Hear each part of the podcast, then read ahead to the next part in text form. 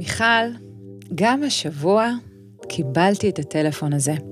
היי, קוראים לי ענת, אני מחפשת דולה. ואז מגיע המשפט, תראי, אני מחפשת דולה, וממש חשוב לי שהיא לא תהיה רוחניקית. הבנתי שאת כזו. וואו, זה עושה לי חשק לדבר על לידה רוחנית. אבל מנקודת המבט שלנו, לא מהמקום ה-new age הקלאסי. הפרק הזה לא מתמקד ברוחניות מסוג מסוים. בואי נזמין לחשיבה אחרת, בנוסף לכל הדברים האחרים שקשורים ללידה. הרי לידה היא מכלול גדול של תהליכים ותחושות, ואנחנו רואות בה גם חוויה רוחנית. היי, קוראים לי אביגיל גורן. אני דולה ומלווה נשים בלידות. ואני מיכל רוזן, אחות, מיילדת, ואתן מאזינות לבאות לעולם, שיחות על הריון ולידה.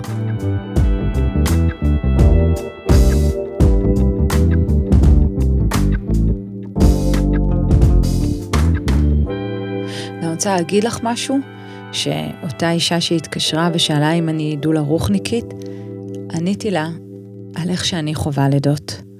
מתוך מקום של להרחיב רגע את הפרספקטיבה שלה. סיפרתי לה על האבולוציה שלי כמלוות לידות, ועל זה שפעם גם אני הצהרתי שאני דולה לא רוחניקית, כי בפנים לא באמת הבנתי מהי הרוח הזו. ועם השנים וההסתכלות על כל הדבר הזה, הבנתי שלידה היא מכלול של דברים. גם תהליך פיזיולוגי, גם תהליך התפתחותי גדול, אבל גם חוויה רוחנית. ורוחניות זה משהו שכל אחת יכולה לחוש, לחשוב, בדרך משלה. אני רואה בכל לידה הזדמנות לחוויה שונה מכל מה שאנחנו מכירים בחיים שלנו. ואנחנו לא יולדות הרבה, אז למה לא לעוף עם הרוח הזו על כל לידה?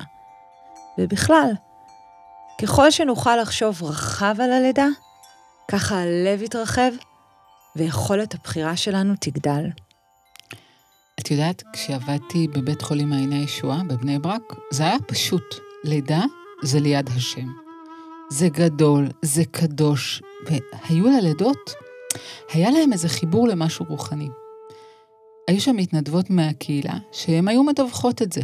נשים מבוגרות שהיו מסתובבות בין החדרים וממליצות לנשים הכאובות לחזור על משפטים, משפטים שהם סגולה ללידה קלה.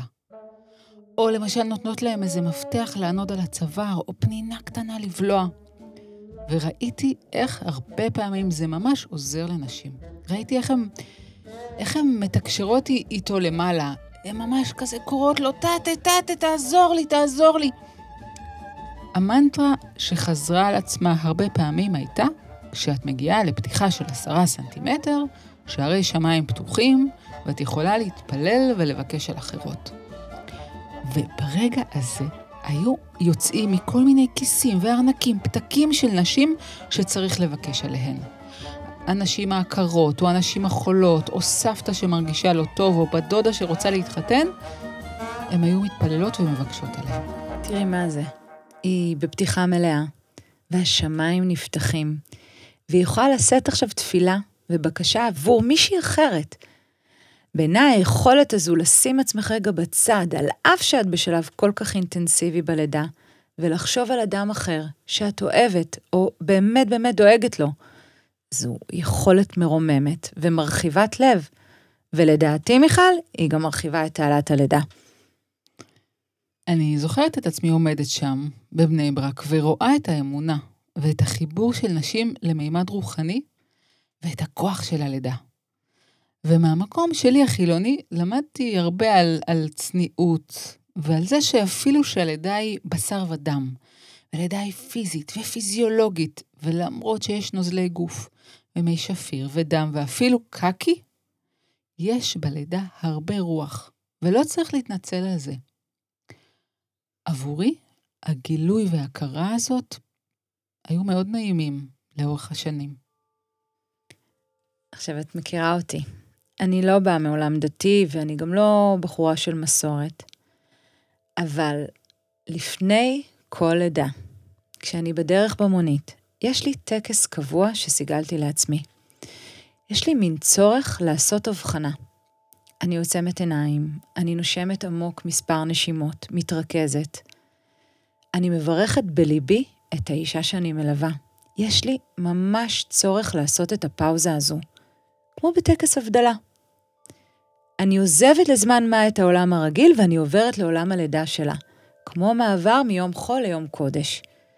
וברגע שאני מבדילה ונוכחת, אני מרגישה שאני מורשית להיכנס למקום המיוחד הזה, ולהביא איתי אנרגיה חגיגית של תמיכה והמון אמונה באימא, באבא, בתינוק, במיילדת, ביקום ומי ששומר עלינו.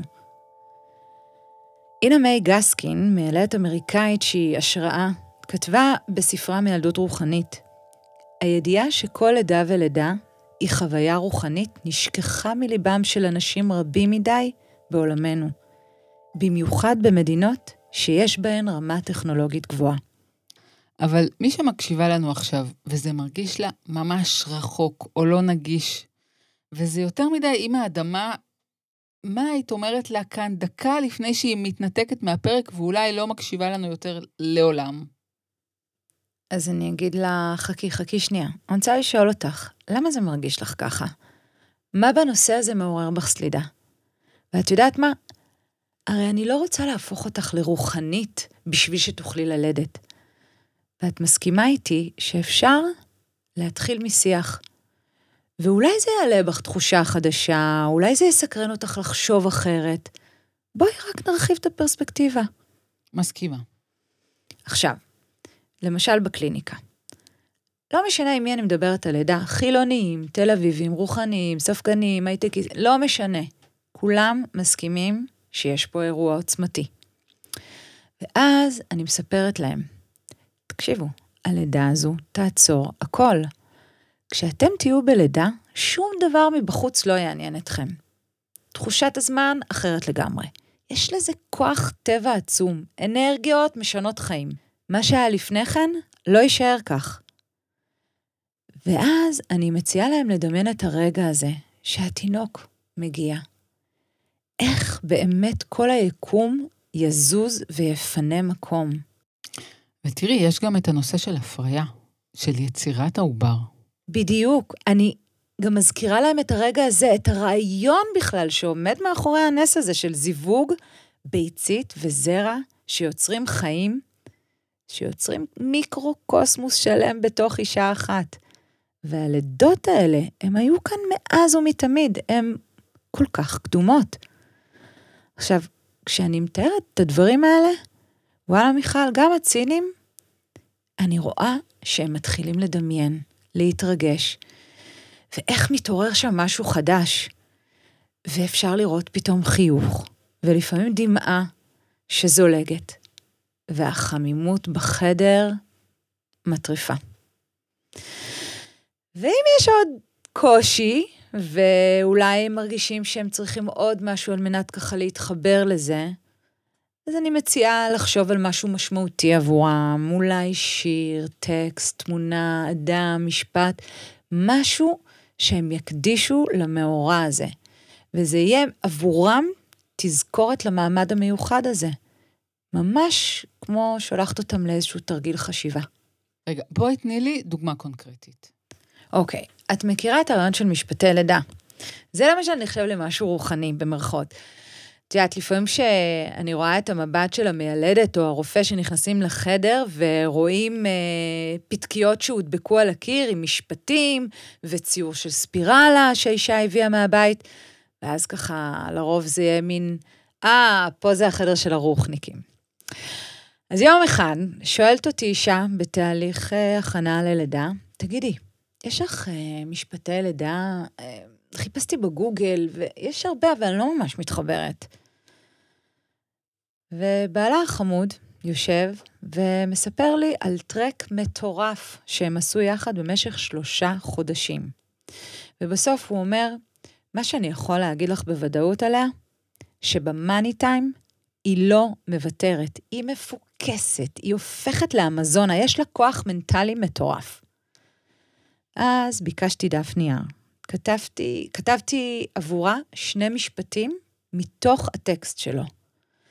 וזה הפך משפט מפתח, מפתח ללב שלה, לנשמה, לתחושות הפיזיות. זה היה משפט שליווה וחיבר אותה לכוחות העל שבה. זה המשפט שחיזק את האמונה בעצמה ובלידה של הבן שלה. וזה לא היה משהו גנרי שהיא הורידה מגוגל, זה היה אותנטי, זה היה שלה. נכון. את יודעת, לפעמים בחדר לידה, כשלידה מתקרבת ויש לי מין תחושה שאין נוכחות בחדר, הם, הם לא כאן, הם לא איתי. והוא, הפרטנר, גמור, מפורק מעייפות מ-48 שעות שהוא לא ישן. אין עם מי לדבר. והיא, היולדת, היא כבר לא מאמינה לי שזה קורה, כי כבר ארבע שעות אומרים לה, הנה את יולדת, הנה את יולדת, הנה זה בא. אבל עכשיו אני אשכרה רואה את הראש מגיע. ואני רוצה להחזיר אותם. אז לפעמים אני אשאל אותה עם איזה שיר היא רוצה לקבל את התינוקת שלה. ופתאום היא פותחת עיניים, או שאני אשאל אותו, אתה רוצה לבחור בשבילה איזה שיר? ושם פתאום נוצר איזה חיבור. ותראי, זה רגע של קיץ' מטורף, אבל נוצר שם חיבור, וחוזרת נוכחות לרגע, וזה הופך לטקס, בלי ציניות. וזו, זו הרוח שנכנסת לחדר וממלאת באנרגיה אחרת, משרה משהו מיוחד. My gift is my song and this one's for you. אז בתחילת שנות ה-60, פסיכולוג בשם דוקטור טימותי לירי חוקר חומרים פסיכואקטיביים ואת ההשפעה השונה שלהם על אנשים שונים. והוא מתייחס לשני מושגים שמאוד מאוד רלוונטיים בלידה. הוא מדבר על set ו setting, ה mindset והסביבה. ה mindset הם המשתנים הפסיכולוגיים, למשל, איך אנשים מתכוננים לחוויה או לאירוע מסוים. האישיות שלהם והציפייה, ההתכווננות, הכוונה. וה setting ה setting זו הסביבה הפיזית, החברתית והתרבותית שבה הדברים מתחוללים. ובתוך המסעות האלה שאנשים יצאו אליהם, עם אותם חומרים פסיכואקטיביים, סביבה נעימה ותומכת צפויה לחולל השפעה נעימה ואופורית. אז אם נעזוב רגע את הפסיכדליה וניקח את שני המושגים האלה, גם בלידה, ה mindset והסביבה משפיעים על איך שנחווה את החוויה והם יכולים לשנות אותה מקצה אל קצה. אה, דוקטור אורלי דהן, חוקרת ממכללת האקדמית של אה, תל חי, מדברת על כך שהמצב הפיזיולוגי שזור במצב נפשי. זאת אומרת, setting בהחלט משפיע על הפרשת הורמונים, ו setting מתאים יגרום להפרשת הורמונים כמו משככי כאבים. במחקרי מוח רואים שבלידה יש הפחתה בפעילות של הנאו-קורטקס, ירידה בפעילות קליפת המוח הקדמית, מה שמקביל למצבי תודעה משתנים, קצת כמו במחקרים של דוקטור לירי. אז נשים שחוות תודעת לידה מתארות תחושה אופורית ותודעה אחרת.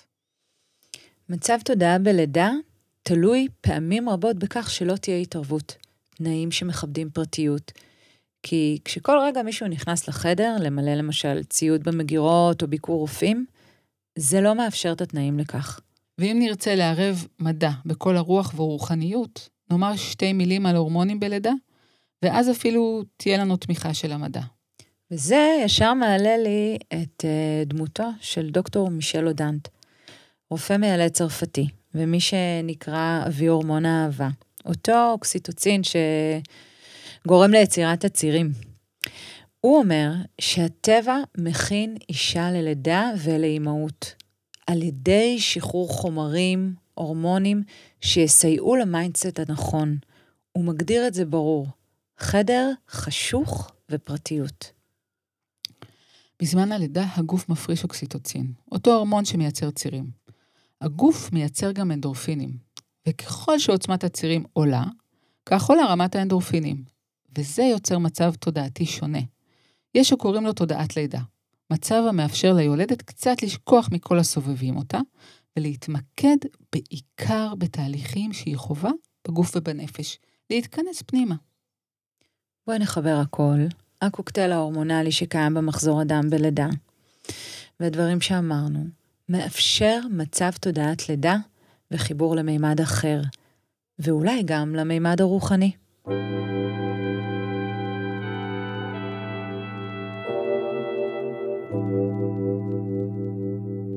לידה זה טקס מעבר. איך שלא תסתכלי על זה, את נכנסת אחת ואת יוצאת אחרת. לא רק היולדת, גם העובר שהופך לתינוק, לילד, לנכד, לבן אדם בעולם הזה, והבן זוג, או כל מי שמחובר לתהליך הזה. ומה שיקרה שם בתוך השלב הזה, יהיה לו הרבה פעמים השפעה לכל החיים. אם נסתכל על מהות של טקסי מעבר, הם מחולקים לכמה שלבים. שלב ראשון, נגיד, יהיה היציאה למסע. הפרידה מהמוכר, מהבית, ממי שאני, מהמצב המשפחתי הקודם, בת שהופכת להיות אימא ונעה בשרשרת הדורות. כדאי שיהיו לנו שם סקרנות, פתיחות לכל מה שיבוא, אומץ, וזה יכול להתחיל עם מסע ההיריון. השלב השני הוא השלב הלימינלי, הוא אמצע המסע. את בתוך הסבך, את לא יכולה לחזור אחורה. סגרו את הדלתות, המטוס בשמיים, את בבין לבין.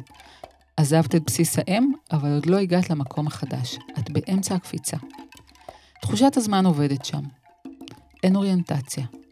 יש אובדן זהות, אין ביטחון, יש עמימות. מה שנחווה שם זה את תחילתה של הטרנספורמציה, את השינוי. ידע חדש שמגיע אל הגוף ואל הנפש. נולד שם משהו חדש. האני החדשה בוקעת שם, נולדת שם אם. וסיפור לידה הוא לא רק איך נולדתי, או איך הפכתי לאם, או איך הפכתי לאב. הסיפור, הנרטיב הזה, הרבה פעמים יעזור לנו להכיר את עצמנו במבט רחב יותר. איך אני חלק מגרעין משפחתי, משפחה רחבה, קהילה, אימהות. אני חלק מהעולם שנקרא אימהות. את מדברת ועולה לי פה תמונה שלי כחלק משרשרת הדורות שלי. אני, מיכל, בת דבורה, בת פולה, בת לאה, דור שלישי לשואה, אימא שלי שנולדה בפולין, במציאות של אחרי מלחמה גדולה. והקונטקסט הזה ממש משנה לי את החוויה, אני רואה את זה ברחב. Mm-hmm. אבל אם נחזור לשלבים בטקס המעבר, השלב הבא הוא שלב הכרחי אחרי הלידה, והוא להכיר במה שאירע לי שם. מה שלמדתי על עצמי בדרך. וגם לא פחות חשוב זה הכרה של החברה. הכרה של בן הזוג שלי, המשפחה והקהילה שלי, שיכירו במה שאני עברתי. זה יכול להיות אם זאת חוויית לידה מושלמת, או חוויית לידה איומה, שאחרי 30 שעות לקחו אותי לקיסרי חירום. יש נשים שאני מדברת איתן והן בלופ, הן בלופ של סיפור הלידה, והן אומרות לי, אני רוצה שהוא יעריץ אותי. הייתי גיבורה במשך שעות, עד שלקחתי אפידורל. הן צריכות הכרה בחוויה שלהן, על מנת שיוכלו לעבור הלאה. ואז מגיע השלב האחרון בטקס, להמשיך את תנועת החיים. אחרי אינטגרציה עם האני החדשה, לחזור למסלול החיים. זה ממש לא רק לחזור לג'ינס. לחזור למסלול החיים זה ללמוד ללכת בעולם כאישה, כבת זוג, כאימא שעברה חוויה כל כך משנת חיים. ותקשיבי, אם זה לא רוחני, אז מה? זה הרי קוסמי. זו חוויה ענקית. לידה היא גם חוויה רוחנית, אז תמצאי את החיבור שלך, תמצאי את הסדק שלך לזה. ואם מצאת את הסדק, את החרך לעולם הרוח שבלידה שלך, זכית. זכית בעוד חוויה מיוחדת במינה שהיא לא רק צירים, אפידורל וחדר לידה.